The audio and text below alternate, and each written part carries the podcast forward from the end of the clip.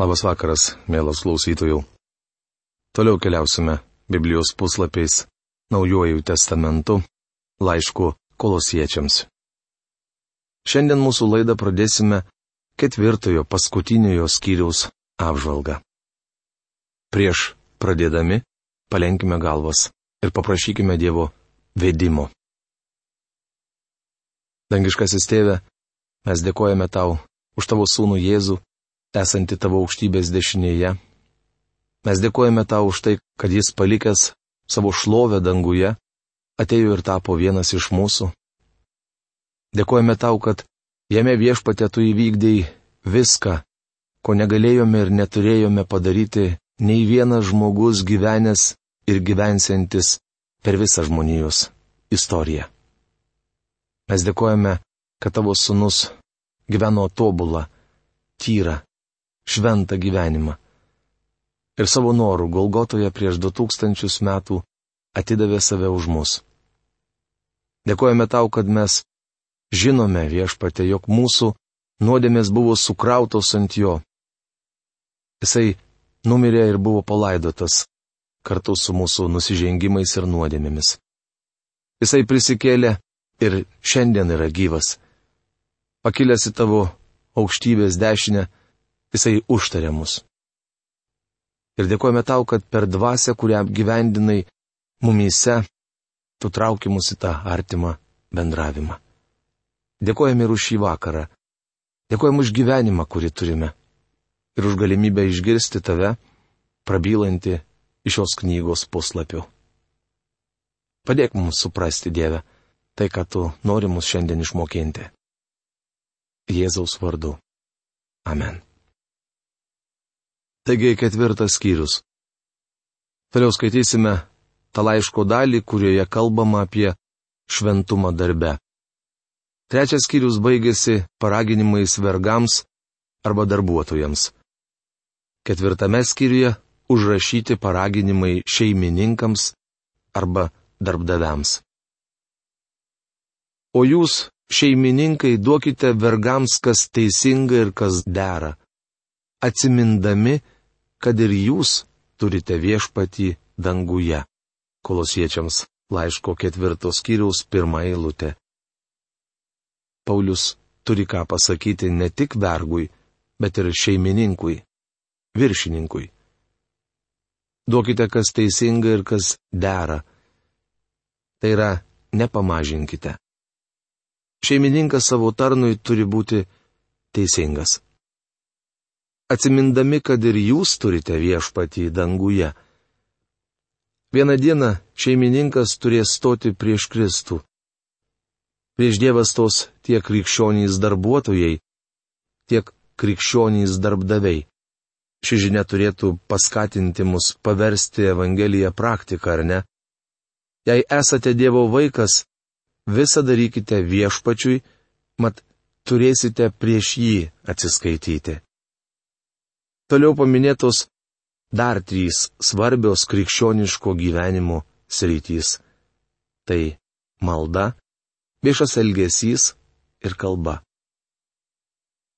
Būkite atsidėję maldai, būdėkite su ją dėkodami, kolosiečiams laiško ketvirtos skyriaus antra eilutė. Žodžiai melstis ir būdėti yra labai svarbus ir neatsiejami. Jie primena mums, ką patyrė Nehemijas. Priešai dėjo visas pastangas, kad jis net statytų Jeruzalės sienų.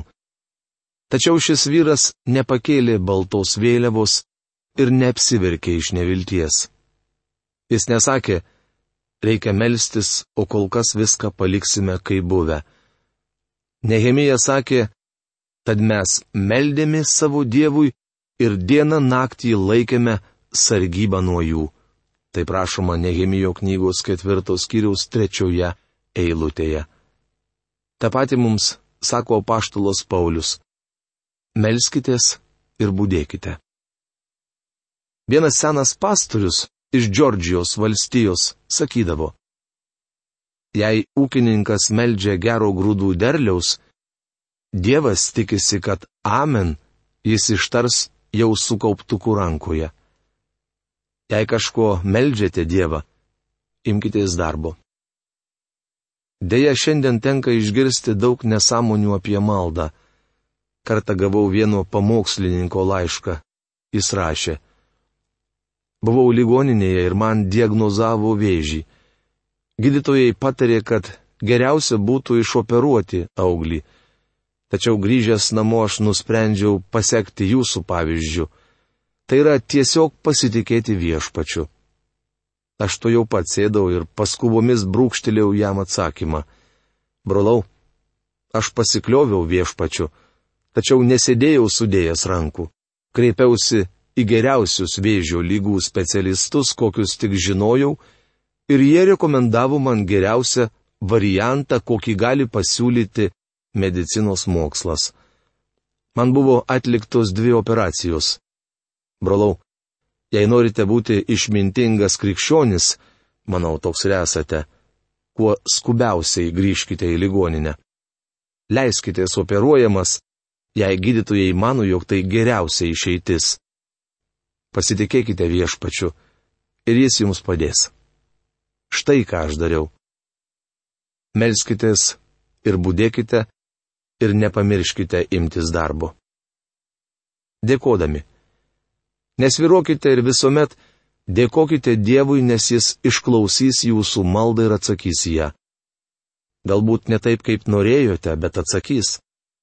Galima sakyti, kad šioje eilutėje apaštalas kalba apie krikščionio kvėpavimą.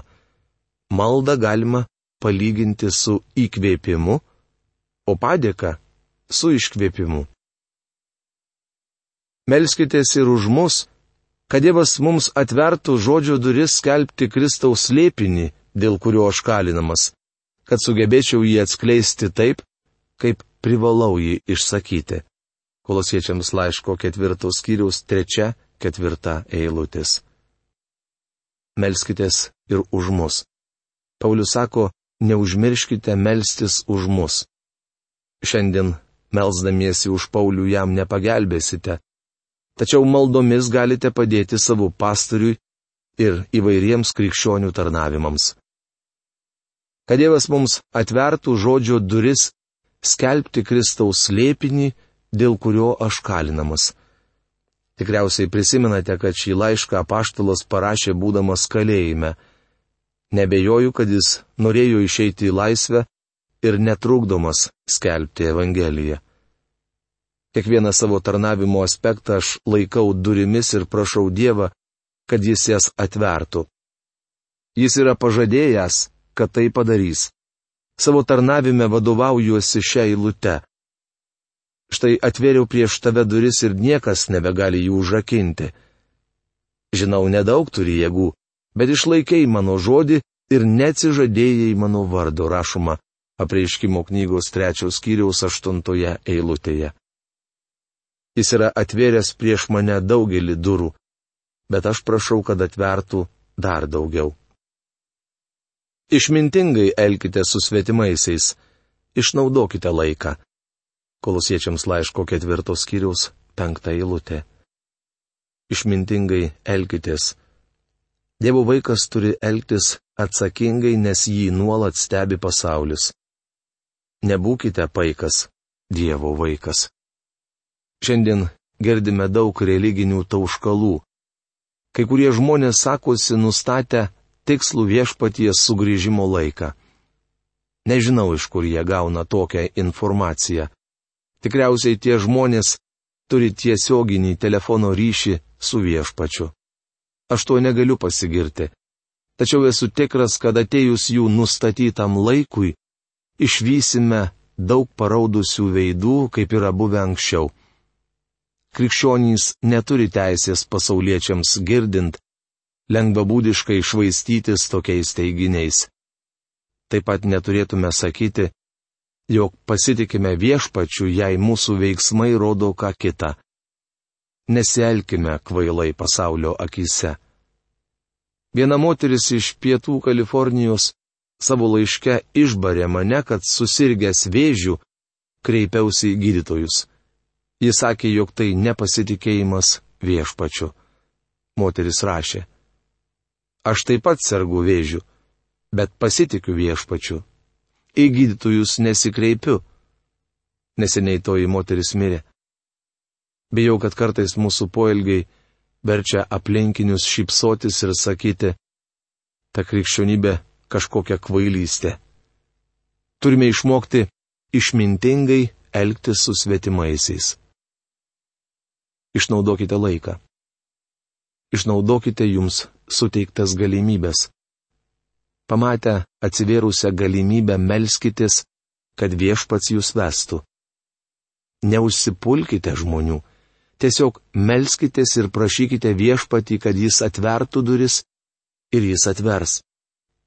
Man neužtektų laiko, jei imčiau pasakoti, kiek kartų taip yra nutikę mano ir kitų gyvenime.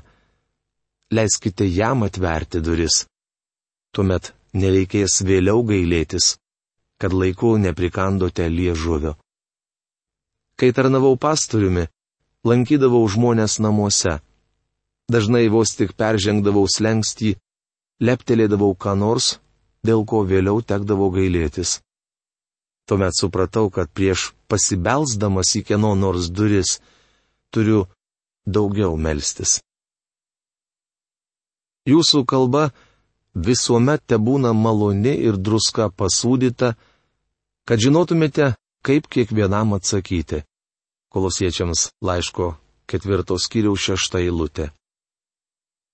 Kai kuriems žmonėms atrodo, kad čia pasakyta, jūsų kalba te būna suri. Ir jie savo sarkastiškomis pastabomis stengiasi įgelti kitiems. Tačiau iš tikrųjų čia sakoma, visuomet te būna maloni ir druska pasūdyta. Dievo vaiko kalba turėtų slopinti piktumą, užuot jį žadinusi. Manau, tai taip pat reiškia, kad krikščionis neturėtų būti nuobodus. Būkime entuziastingi, kad žinotumėte, kaip kiekvienam atsakyti. Nuoširdus bendravimas.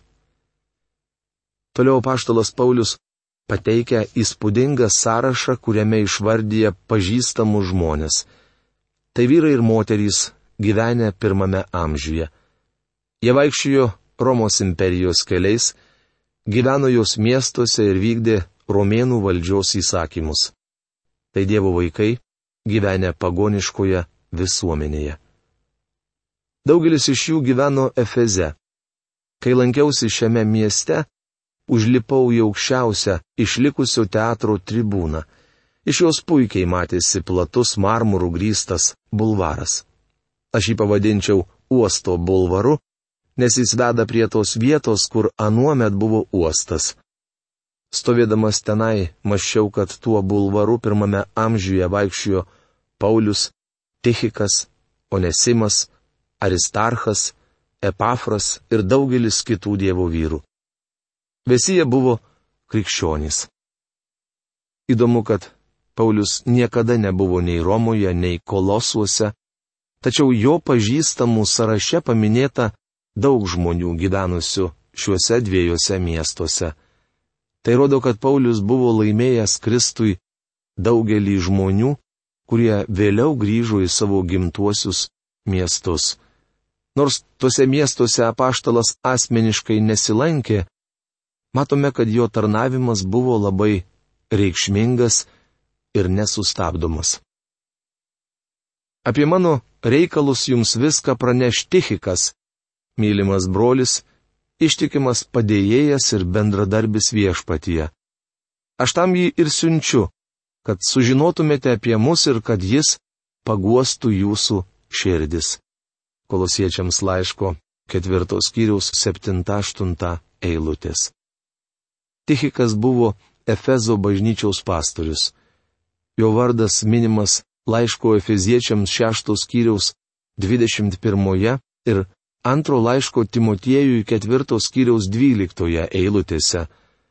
Paulius rašo, kad Tichikas buvo nuostabus brolis viešpatyje. Jis vyksta su Onesimu, ištikimu ir mylimu broliu, kuris yra iš jūsų. Jėdu papasakos jums visą, kas čia dedasi. Kolosiečiams laiško ketvirtos kiriaus devinta eilutė. Onesimas buvo Filemono iš kolosų vergas. Jis buvo pabėgęs nuo savo šeimininko, tačiau Pauliaus tarnavimo dėka atėjo pas viešpatį. Dabar apaštalas siuntė jį atgal pas savo šeimininką. Paulius parašė Filemonui laišką, kurį turėjo perduoti jam pats Onesimas. Tame laiške apaštalas rašo, kad Onesimas yra jo mylimas brolis. Kaip matote, Kristuje musėja nauji santykiai. Dabar šeimininkas ir tarnas yra broliai Kristuje Jėzuje. Jūs sveikina kalėjimo draugas Aristarchas ir Barnabų pusbrolis Morkus. Dėl jo jau esate gavę nurodymų. Jeigu jis atvyktų pas jūs, priimkite jį.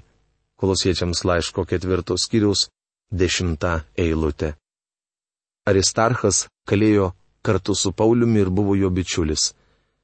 Morkus yra Jonas Morkus, Barnabos sunienas parašęs Evangeliją pagal Morkų.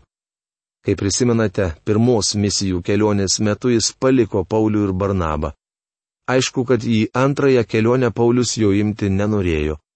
Tačiau apaštalas klydo, nes Jonas Morkus jau buvo pasitaisęs.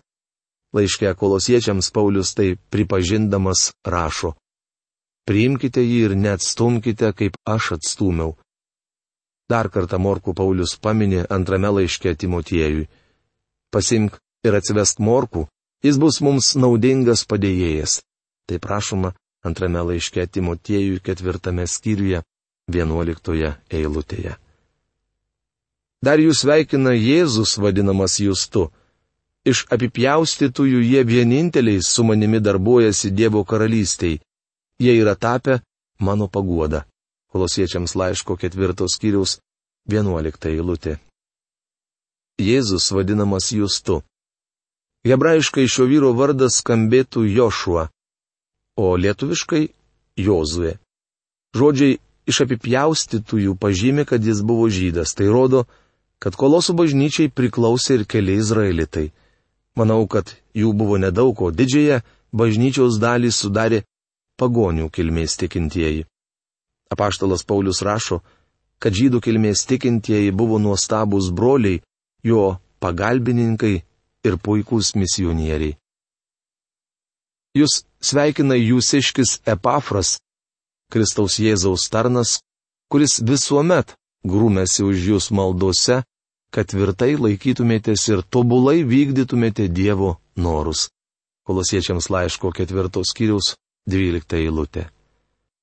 Kai Paulius rašė šį laišką, Epafras, buvęs kolosų bažnyčios pastorius, kalėjo kartu su juo. Kalėjime jis turėjo naują tarnystę - grumtis užtikinčiuosius maldose. Kartą gavau jauno pamokslininko laišką. Jis rašė, kad yra paralyžiuotas ir nebegali daugiau pamokslauti. Jo laiškas buvo baisios nevilties išraiška. Atsakiau tam vyrui, kad turiu jam darbo. Tai yra melstis už mane. Malda taip pat tarnavimas. Jei Dievas patraukia jūs iš aktyvaus tarnavimo, melskitės už Dievo tarnus. Tai reiškia, kad Dievas davė jums naują tarnystę, kitą užsiemimą. Aš galiu paliudyti, kad jis labai rūpinasi jumis, Laudikėja ir Hierapoliu. Kolosiečiams laiško ketvirtos skyriaus 13 eilutė. Šie trys miestai buvo labai arti vienas kito. Hierapolį nuo Laudikėjų skyrė maždaug 10-15 km. Netoli buvo ir kolosai. Visuose trijuose miestuose buvo bažnyčios. Sveikina jūs mylimasis gydytojas Lukas ir Demas. Kolosiečiams laiško ketvirtos skyriaus 14 eilutė mylimasis gydytojas Lukas. Argi tai nenuostabus apibūdinimas? Pirmą kartą paminėdamas Demą, Paulius pavadino jį bendradarbiu. Čia jis paprasčiausiai rašo ir Demas. Manau, kad tai gali reikšti, jog Paulius nebuvo tikras dėl jo dvasinės būklės. Vėliau Demas apleido Paulių. Tai iš tiesų liūdna. Pasveikinkite brolius Laudikėjoje ir nimfą, bei jos namuose susirenkančią bendruomenę. Kolosiečiams laiško ketvirtos kiriaus penkiolikta eilutė. Šiuose miestuose stovėjo didelės pagonių šventyklos, o krikščionys rinkdavosi namuose. Aš galvojau ir tebe galvoju, nors šiandien nebeakcentuoju to, kaip kitados, kad galiausiai bažnyčia vėl ims rinktis namuose, kaip buvo iš pradžių. Kai šitas laiškas bus perskaitytas pas jūs, pasirūpinkite, kad jis būtų perskaitytas ir laudikėjos bažnyčioje, o jūs perskaitykite laišką, kuris ateis iš laudikėjos. Kolosiečiams laiško ketvirtos skyrius šešiolikta eilutė. Laišką, kuris ateis iš laudikėjos. Paulius nesako, kad buvo parašęs laišką laudikiečiams. Matyta paštalo laiškai keliavo iš vienos bažnyčios į kitą ir kažkuris iš jų buvo pasiekęs laudikėją. Daugelis šventojo rašto tyrinėtojų mano, kad čia turimas omenyje laiškas efeziečiams. Paulius sako kolosiečiams perskaityti ir tą laišką, o savo laišką persiųsti laudikiečiams. Taip pat pasakykite Archipui, žiūrėk, kad vykdytum tarnystę, kurią gavai viešpatyje. Kolosiečiams laiško ketvirtos kiriaus septyniolikta eilutė. Archipas dar vienas vyras, kurį Paulius paminėjo šiame laiške. Apie jį daugiau nieko nežinome. Aišku, kad Archipas turėjo dovaną ir Paulius jį ragino ją naudoti. Sveikinimas parašytas mano Pauliaus ranka. Prisiminkite mano pančius. Malonė su jumis. Kolosiečiams laiško ketvirtos skyriaus 18 eilutė. Didžiąją šio laiško dalį Paulius padiktavo Todėl gale pasirašė, kad tikintieji žinotų, jog laiškas tikras. Laišką Galatams apaštulas parašė savo paties ranką. Tai antras kartas, kai Paulius prašo, prisiminkite mano pančius arba melskitės už mane. Malonė su jumis. Kosto burbulio Biblijos vertime priduriama Amen. Argi šis laiškas nenuostabus? Paulius rašė bažnyčiai, kurioje jam niekada nebuvo tekę lankytis. Tačiau apaštalas pažinojo daugelį jos narių, nes laimėjo juos viešpačiui Jėzui Kristui. Tai tokia žinia šiandien. Iki kito pasimatymo. Sudė.